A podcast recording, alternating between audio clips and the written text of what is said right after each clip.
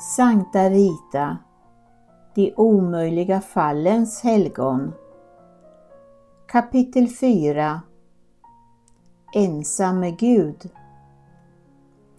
Vem hade planlagt bakhållet? För det handlade uppenbart om ett. På Paolo di Fernando, som gick omkring vapenlös i den ensliga dalen. Sedan flera år tillbaka hade han avhållit sig från gräl och slagsmål och verkligen ansträngt sig att leva i fred med alla. Men alla hade kanske inte varit benägna att sluta fred med honom. I Umbrien där blod ropade på blod kunde hämndbegäret ihärdigt ligga kvar i flera släktled på den tiden. Vem visste vilket hat en familj eller en efterlevande till en före detta fiende som sedan länge var död hade närt gentemot Paolo di Fernando. Rita hade fått nya bekymmer som gjorde hennes lidande ännu större. Sönerna hade så gott de kunnat fortsatt faderns arbete. De var vänliga och kärleksfulla mot henne. Men trots deras goda föresatser orsakade de henne mycket bekymmer genom att vara självsvådliga och gå sina egna vägar. De vägrade att lyda henne och lyssna på hennes förmaningar. Det hembegär som de drevs av och som de inte försökte dölja understöddes av sedvänjorna på orten och av pikar från vänner och bekanta. När någon påminde dem om faderns död så svarade de ilsket. Vi ska nog få tag på dem som mördat honom. Ett sådant fegt brott kan inte förbli ostraffat. Det har redan flutit tillräckligt med blod och tårar, sa Rita med ett stönande. Jag har ändå uppfostrat er enligt helt andra principer. Bibeln förbjuder att man tar lagen i egna händer. Både er far och jag har förlåtit ogärningsmännen. Han skulle misstycka. Men precis som alla andra ungdomar så slog tvillingarna dövörat till inför hennes goda råd och varningar. De älskade modern men eh, betraktade hennes ödmjukhet som ett tecken på svaghet. Kan det verkligen förhålla sig så, sa Rita i sina böner. Gud, du hjälpte deras far att tygla sitt våldsamma beteende, vilket nu även har dykt upp hos dem, men förklätt till faderskärlek. Du vet mycket väl att min Paolo inte skulle gå med på att de blir mördare för hans skull. Men hur ska jag få dem att inse det? Hennes förtvivlan var så stark att hon en dag framställde en bön som var motsägelsefull hos en så kärleksfull mor. Herre, låt dem inte fullfölja den plan som de har i sinnet. Ta dem hellre bort från den här världen. För Rita var det enda riktiga livet det eviga. Om hon kunde hindra barnen från att skymfa Gud och försäkra sig om deras själars frälsning var hon beredd att offra en del av deras liv här på jorden och avstå ifrån glädjen att ha dem hos sig. Föregående århundrade hade en annan mor redan framställt en liknande bön beträffande en son som inte hade gett henne någon som helst anledning till oro. Nämligen Blanche de Castille som hade föredragit att hennes son Ludvig den helige hellre hade dött än syndat. Men den unge franske kungen fick fortsätta att leva och verka här på jorden för att tjäna som föredöme.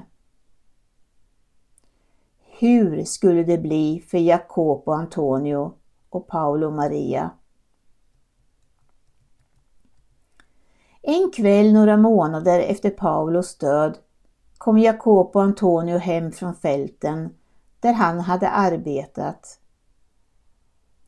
Han hade feber och var illamående.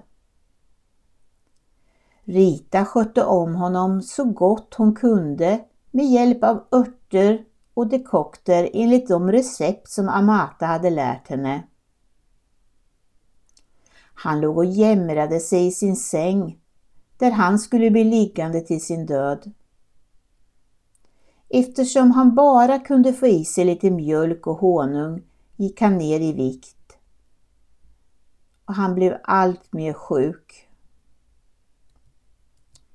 En kort tid därefter insjuknade Paolo Maria i samma sjukdom som antagligen var en av de många epidemier som härjade på den här tiden. Då vården var elementär, smittan svår att bekämpa och hygienen dålig. Jacopo Antonio och Paolo Maria hade blivit som barn igen. De stönade och skrek. Mamma! Mamma! Rita stannade hos dem och vakade över dem både dag och natt och försökte få dem att härda ut. Några äldre kvinnor från byn lärde henne att blanda till läkemedel som hade fungerat på andra sjuka. Och hon bad utan uppehåll om att det som var bäst för dem skulle ske. Givetvis ville hon att de skulle tillfriskna och omvända sig till Gud. Gud bestämde annorlunda. Den ene efter den andre fick ta emot de sjuka smörjelse. Fridfulla till sinnes betraktade de Jesus på korset och framstammade. Förlåt oss, såsom och vi förlåta vår fars mördare, sa Paolo Maria med möda. Och Jakob och Antonio inföll. Ingen hämnd. Förlåtelse. Rita grät. Hon led. Men det var också en tröst att veta att de hade vänt sig bort från det onda. Mänskligt sett hade hon gjort allt hon kunnat för att rädda dem. Nedbruten men samtidigt styrkt i sin kristna tro var hon nu alldeles ensam i Rocaporena. Titta, där kommer Rita på väg hem från Kaskia. För hon ser trött och ledsen ut. Det är inte så konstigt med tanke på alla hennes sorger. Rita rörde sig sakta framåt med nedböjt huvud. Då och då ansträngde hon sig för att lyfta blicken och besvara bybornas hälsningar. Hon försökte till och med att le men lyckades inte. Det var inte enbart alla olyckor som tyngde ner henne den här kvällen utan också en väldig besvikelse som hon hade råkat ut för. När hon kom hem kunde hon varken äta eller dricka utan la sig ner på sin enkla säng där hon förblev liggande alldeles utmattad. Förstrött betraktade hon stjärnorna på hösthimlen genom fönstret som aldrig var stängt medan hon tänkte på vad som hade hänt under dagen. På förmiddagen hade Rita begett sig till klostret Sankta Maria Magdalena i Kaskia. Efter en lång väntan fick Rita äntligen komma in till abbedissan. På sedvanligt sätt hälsade Rita med en djup nigning och satte sig därefter på den stol som abbedissan anvisade henne framför skrivbordet, bakom vilket hon själv satt. Då hon uppmanades att framställa sitt ärende svarade Rita oförskräckt. Vördade moder, jag har kommit för att bli antagen som novis i ert kloster. Du är alldeles för gammal, sa abbedissan, som tillade, men det är klostret som bestämmer. Sedan ställde hon mängder av frågor och gjorde anteckningar utan att låta förstå vad hon tyckte och tänkte. Uppriktigt sagt så kände hon redan till svaren eftersom hon hade hört talas om Paolo di Fernando, hans omvändelse och tragiska död, om deras barn och Ritas dygder. Kom tillbaka i eftermiddag, sa abbedissan när hon hade avslutat sitt förhör, så får du veta vårt beslut. Timmarna i väntan tillbringade Rita i sin dopkyrka Sankta Maria del Popolo, där hon bad om att hennes längtan efter att leva enbart för Gud skulle förverkligas. På nytt befann hon sig framför klostrets korsbekrönta port och därefter i det lilla kala samtalsrummet med abbedissan som hon hälsade på med samma djupa nigning som tidigare. Medan abbedissan förstrött lekte med gåsfjäderpennan som hon hade framför sig på bordet talade hon långsamt och salvelsefullt på ett sätt som verkade uppmuntrande. Rita, jag är säker på att du är uppriktig. Jag vet också att din tro på Gud är stark och jag är medveten om dina goda gärningar. Å andra sidan måste du tänka på att du har genomgått svåra händelser. Ritas hjärta bultade. Hon betraktade sig redan som novis. Hon gjorde sig beredd att tacka Gud med en bön då abbedissan sa något som fick hennes entusiasm att svalna. Hade hon tagit ut glädjen i förskott? Och ändå så räcker det inte, sa abbedissan. Så var det med den saken, tänkte Rita och suckade. De kräver att jag väntar eller så ställs andra krav på min kallelse. Antagligen måste jag ransakas mer ingående. Vad vet jag? Rita var beredd att uppfylla alla de krav som ställdes på henne. Gå med på allt och ge sig till tåls på villkor att hon fick tas upp i klostret.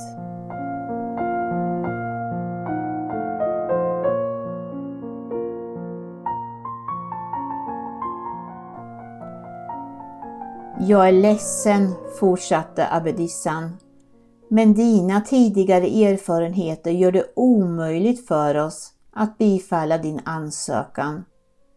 Vårt beslut är slutgiltigt. Abbedissan nändes inte titta på Rita, som hade sjunkit ihop på sin stol och ansträngde sig för att inte gråta. Trots sitt barska sätt avskydde abbedissan att såra andra. Men ibland var hon tvungen att visa sig känslokall. Men Rita vägrade helt enkelt att förstå. Hon var omtumlad men tog ändå mod till sig och sa Vördade moder, innebär det att jag aldrig kommer att få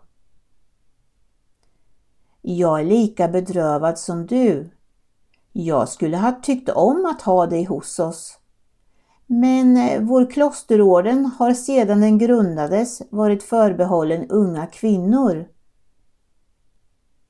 En kvinna som både varit gift och mor, till och med i den kristna anda som kyrkan föreskriver, kan omöjligt finna sin plats här.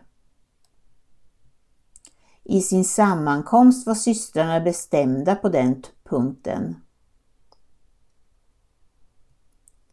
Rita satt som förstenad.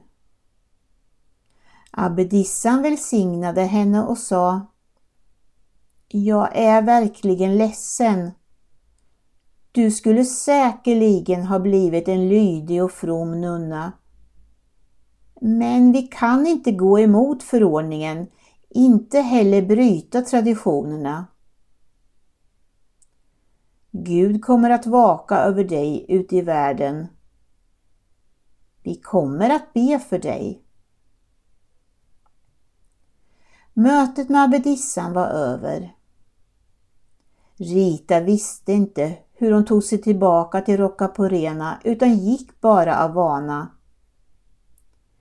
Hon hade varken sett solen gå ner eller känt den bitande nordanvinden. Hon var alltför nedtyngd.